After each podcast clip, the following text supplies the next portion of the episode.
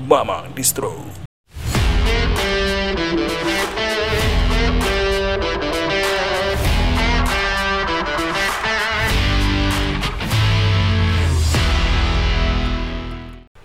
Mamang Distro episode 1 Hari ini rekaman 17 Mei 2022 Sebelum kita masuk episode Kultur domestik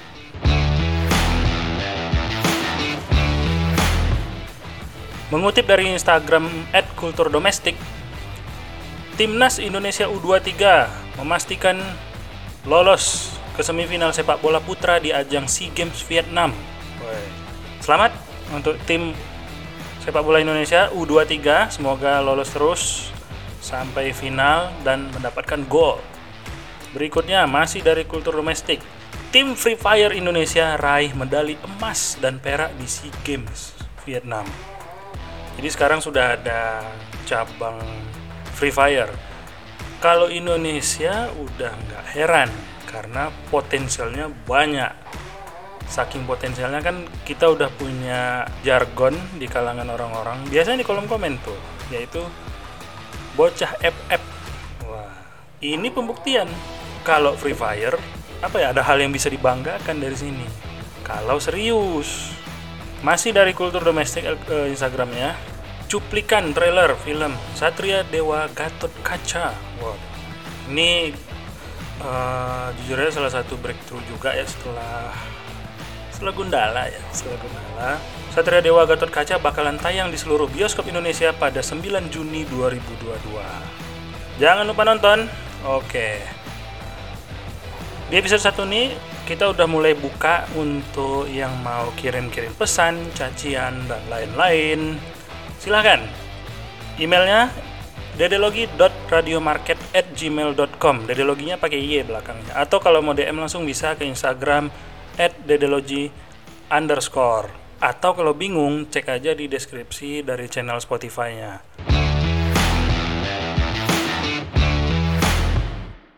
Episode Mamang Distro yang pertama ini adalah tentang pengalaman buka usaha. Terutama pada saat pertama-pertama kali menyewa tempat, ya, nyewa ruko. Jadi awalnya itu di tahun 2020 akhir karena bisnis di bidang sepeda lumayan meledak-ledak. Uh, diakibatkan itu kan trending dari efek uh, corona orang udah mulai bosan kan di rumah kemudian pada sibuk nyari apa nih untuk meningkatkan imun tapi juga kita yang nggak bosan di rumah mulailah tren sepeda dimulai. Salah satunya usahaku sendiri yaitu uh, berjualan aparel sepeda terutama khusus di pakaiannya. Ini usaha dari tahun 2016 mulainya waktu itu masih belum dikasih merek.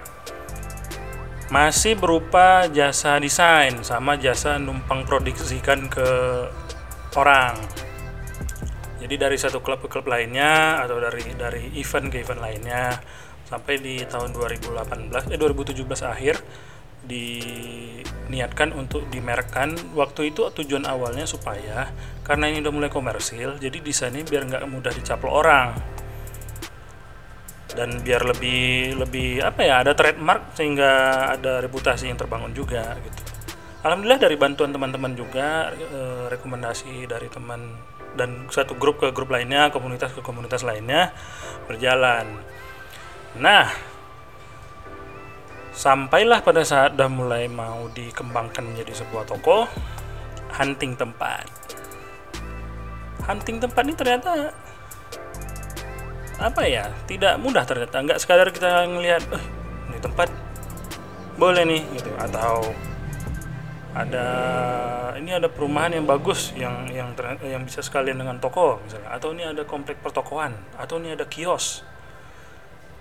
Banyak faktor. Salah satunya lokasi udah pasti ya. Uh, strategis. Strategis ini kan banyak.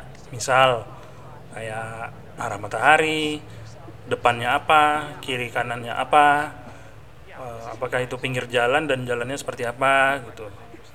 Terus jauh atau tidak commuting kita dari apa ya dari tempat tinggal kita awal ke uh, calon tokonya nanti. Kalau nanti uh, belum tinggal di toko.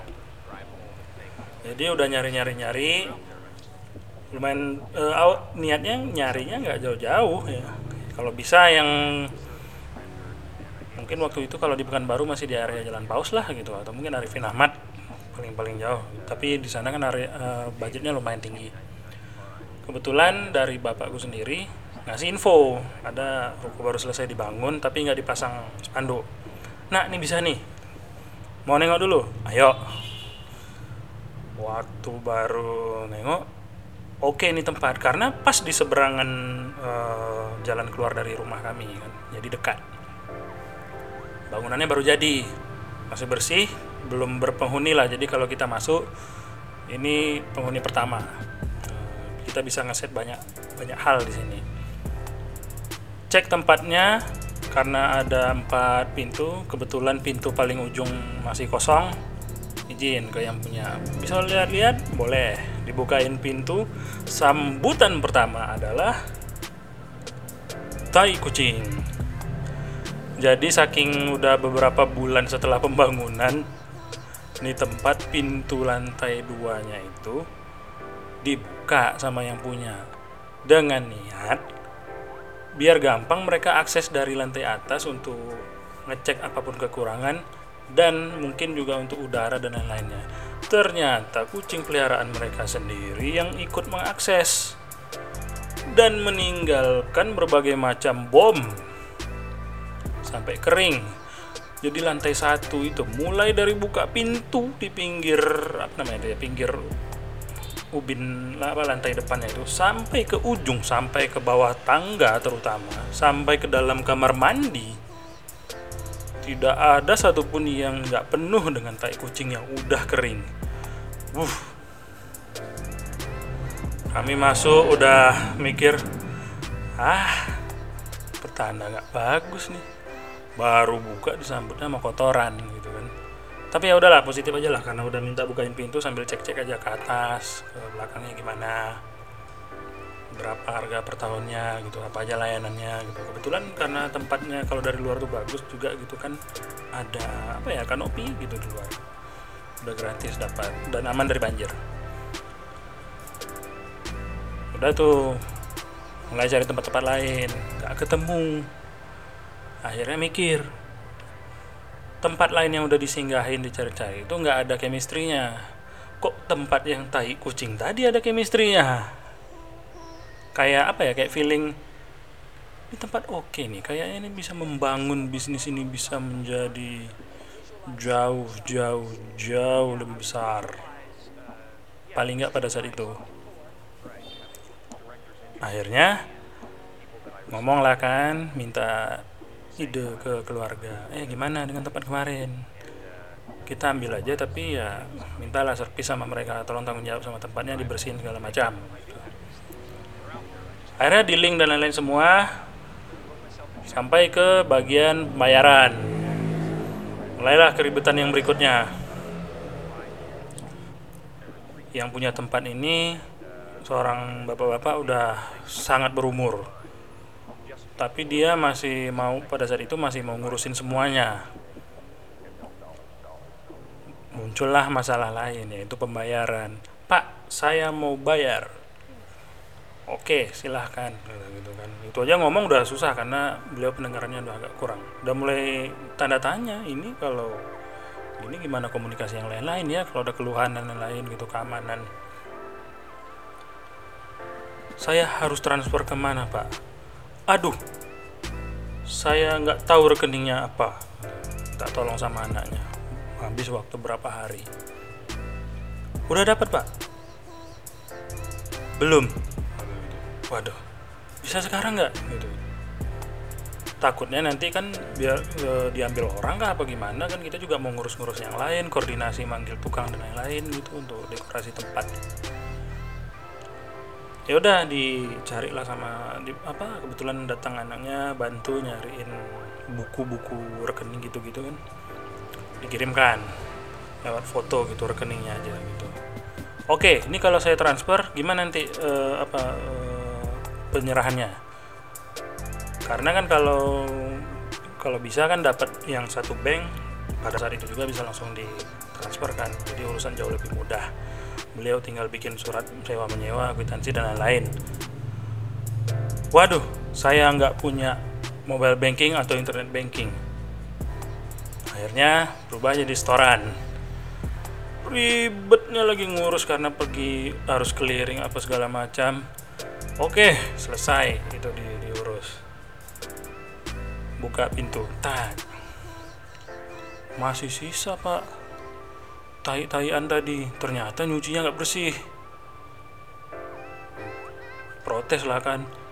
Gimana ini? Kita kan udah janjian dari segala macam keputusan pembayaran kemarin. Masa nggak dibersihin gitu? Sedangkan udah dibersihin aja baunya ke tembok-tembok masih lengket. Akhirnya nambah ekstra. Satu minggu.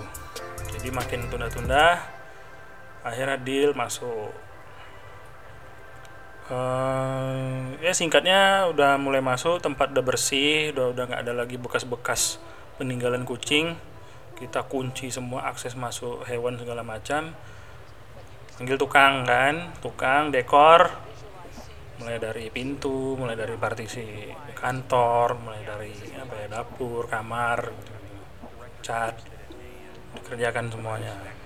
Dapatlah pengalaman baru karena um, kalau manggil tukang borongan kan ada ba banyak tukang yang kerja. Misalnya dari tukang kacanya beda orang yang ngecat beda yang ngelas beda yang apa yang dempul-dempul yang angkat barang yang nyetir-nyetir beda-beda. Kalau aku sendiri udah berpengalaman kalau apa ya kayak uh, berada di sebuah tempat kerja kemudian ada ada atasannya ada bawahannya itu udah udah ada berpengalaman. Udah ada pengalaman juga uh, misalnya bekerja dengan pekerja part time atau freelance gitu. Memperkerjakan orang sudah berpengalaman.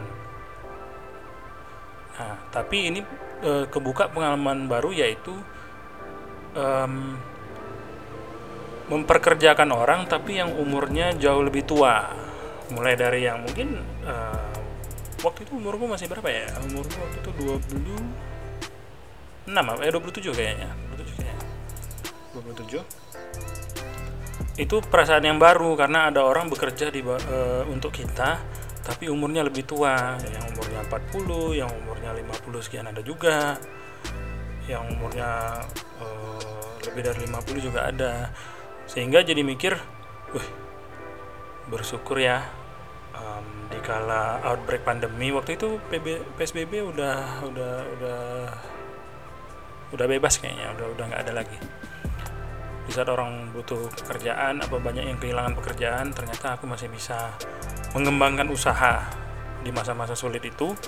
Dan ada banyak orang yang bekerja uh, untuk uh, pada saat itu. Feeling yang aneh gitu ngelihat wih bapak-bapak ini kayaknya sama umurnya atau lebih tua dari orang tuaku sendiri lah gitu. Tapi dia bekerja untuk untukku gitu pada pada waktu uh, tertentu. Itu pengalaman. Jadi sehingga jauh lebih bersyukur gitu di umur sekian masih diberikan kesempatan untuk uh, semua kenikmatan itu semua keberhasilan itu. Setelah manggil-manggil tukang ngurus-ngurus kebersihan segala macam mulailah ada hal-hal lain yang mengganggu yaitu pungli aku kasih tahu ya starter pack pungli starter pack. Jadi kayaknya udah lumrah kalau setiap orang baru buka kedai atau toko atau baru masuk ke suatu daerah terutama mungkin yang buka usaha-usaha lah atau lapak di suatu tempat itu selalu ada punglinya atau apa ya kayak abang-abangannya yang megang lah di area situ apalagi ini ruko jadi semakin banyak orang random yang berpose sebagai orang keamanan lah kebersihan lah. Padahal tidak karena kebetulan uh, di kasus aku aku tahu orangnya yang mana gitu uh, atributnya seperti apa gitu. Banyak tuh yang sosok mengut uang keamanan atau kayak apa uh, pura-pura belanja tapi padahal ngintai-ngintai gitu gitu setiap hari itu beda-beda orangnya. Kan nggak mungkin. Apalagi kadang-kadang dia mintanya sama tukang. Tukang kan ya mereka udah biasa kan oh nggak tahu nih yang punya gitu. Jadi pernah lah satu kejadian. Aku lagi masuk masukin barang nyusun nyusun barang. Datang nih uh, kayak kayak abang-abang gitulah. Mungkin umurnya sedikit lebih muda di bawah aku. Tok pintu ini udah berkamanan bang. Gitu. ini udah diurus sama yang eh, nggak ada bang. Ini udah diurus sama yang punya tempat. Galak duluan kita. Kalau enggak nanti mereka ini sok lebih berkuasa kan pada kita kalau kita eh iya mohon maaf ya bang. Gini gini gini gini gini gini gini gini. Ah habis si bangke ini nggak nyerah dia. Dia udah tahu dia gagal masuk di situ. Kebetulan kan di halaman tuh ada satu pohon besar gitu pohon mangga ngalangin tapi bisa bikin uh, teduh lah. Manjat dia. Di saat aku sebagai pemilik tempat masih ada di situ. Ngapain nih orang manjat? Pura-puraannya kayaknya mau ngambil mangga tapi pada saat itu mangga itu nggak berbuah dan nggak ada normal-normalnya ada orangnya terus kau manjat-manjat gitu kan. Naiklah aku ke lantai dua. Rupanya kawan ini ngecek akses masuk dari jendela atas seperti apa gitu. Apakah dari pohon ini bisa loncat ke kanopi dan masuk ke lantai atas gitu, gitu. wah gila nih orang. Mikir kan ternyata di tempat usaha bisa gitu ya. Ada lain-lain lagi.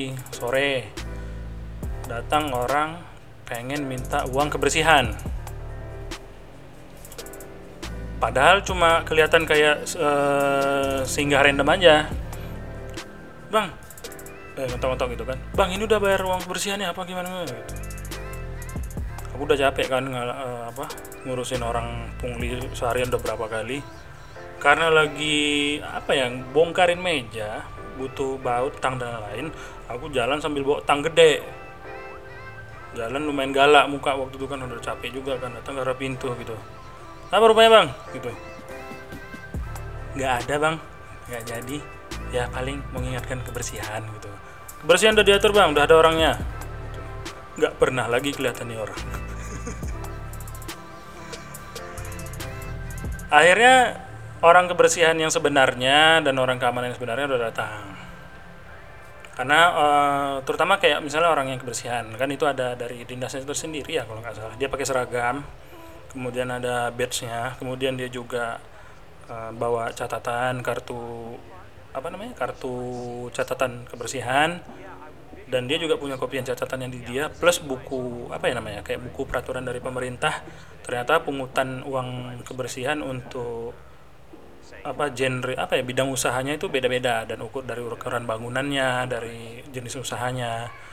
Nah kalau usaha distro itu kan termasuk uh, usaha yang nggak menghasilkan banyak sampah terutama sampah basah dan lain-lain. Gitu. paling sampai sampah rumah tangga. Apa plastik kertas gitu. Jadi bayarannya nggak terlalu gede. Kalau orang keamanannya sama gitu kan dan dia ini malah lebih modern. Kita dikasih kartu mereka catat pakai Google Sheet. Jadi mereka bisa mastiin nggak pernah salah hitungannya dan memang setiap bulan itu orangnya dan udah dikonfirmasi oleh RT dan RW setempat. Setelah semua diurus mulai dari kebersihan, dekorasi, tukang udah selesai semua, udah kelar pindahan. Pada akhirnya itu adalah sebuah kegiatan yang capek ya. Capek badan uh, habis-habisan capek pikiran capek hati juga ada. Tapi ujung-ujungnya memang exciting karena kan kita menyiapkan sesuatu untuk skala yang jauh lebih besar. Terutama kan untuk pekerjaan sendiri. Uh, beruntung karena banyak teman yang bantu gitu kan keluarga juga. Misalnya kayak dikasih barang-barang yang nggak kepake misalnya kursi meja apa wah menolong sekali ngurang-ngurangin budget ngisi-ngisi untuk toko. Apalagi teman-teman kan bantu-bantu share eh si ini buka eh si ini buka alamatnya di sini? Beli beli beli beli lagi ada promo apa? Gitu gitu. Apalagi ada salah satu teman yang waktu itu bekerja di bidang event. Sangat membantu dia ngundang bang gitu kan ngasih tahu bang abang kan mau buka toko. Mau nggak bang nampil di eventku bang. Wah mau mau mau mau. Tapi aku belum ada barang pajangan nih. Barang yang ada nih masih pesanan orang yang pre-order dari kemarin-kemarin gitu. Gak apa-apa bang. Bawa sampel dikit-dikit aja. Kita bikin talk show. Setelah waktu itu di sebuah mall. Jadi nanti abang bisa bikin kayak teaser. Bakal apa selain dari online bakal bisa main ke toko langsung di mana gitu. Bayarnya itu enggak bang gratis bang. Gitu, gitu. wih ayolah kita kan gratis pula kan. Dibantu pula lagi untuk akses masuk bawa bawa barang segala macam. Jadi selain itu acara yang bagus kan waktu itu dari apa ya dari event juga kerja sama sama radio juga kalau nggak salah. Jadi ngebantu meningkatkan apa ya audiens uh, reachnya ke orang-orang yang umum yang malah uh, di luar bidang itu sendiri. Bagus bagus bagus itu juga dengan teman-teman lain dari komunitas gitu ngasih tahu eh sekarang udah ada loh tempat belanja di sini gitu. Uh, apa sampai yang di luar-luar. Jadi kayak misalnya orang dari Jakarta misalnya gitu Jakarta. Yang biasa gue di area Bintaro misalnya gitu. Lagi tugas kerja di Pekanbaru atau di area dekat Pekanbaru. Nanti pulangnya karena mau sebelum ke bandara singgah dulu ke toko belanja atau main-main gitu atau ada orang-orang lain yang misalnya membawa peluang baru datang gitu kan e, sebagai apa namanya just tip. Jadi sering main-main ke sini gitu bang barang yang ini ada yang sesuai iklan? Ada gitu. Ya ini titipan untuk teman di mana? gitu. Oke siap. Ada juga misalnya peluang-peluang yang datangnya nggak langsung ke toko tapi karena keberadaan um, toko itu sendiri membawa peluang baru yang lebih besar. Contohnya orang-orang yang pengen jadi reseller. Betul waktu itu kita banyak um, menerima penawar apa yang menawarkan diri untuk jadi reseller kayak toko sepeda yang ingin memuat barang kita. Dan dan bahkan ngambilnya nggak dengan sistem konsinyasi gitu langsung ngambil langsung gitu. Oh kita balas dengan harga yang lebih baik sehingga mereka punya peluang untung lebih besar.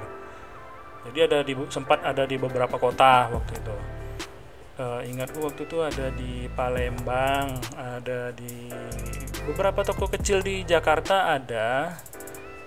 Uh, di Bali pernah ada juga. Kemudian di Sulawesi apa? Di Palu ya waktu itu ya? Itu salah satu yang paling gede.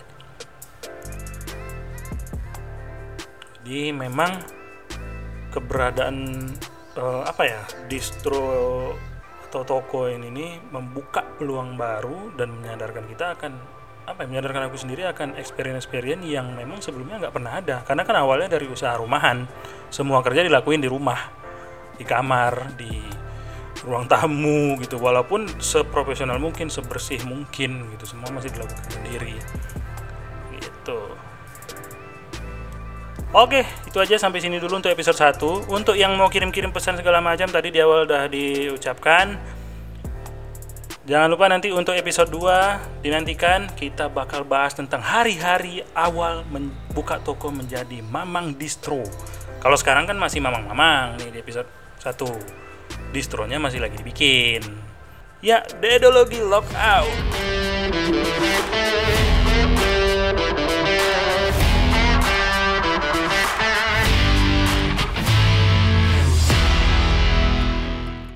Podcast Mamang Distro.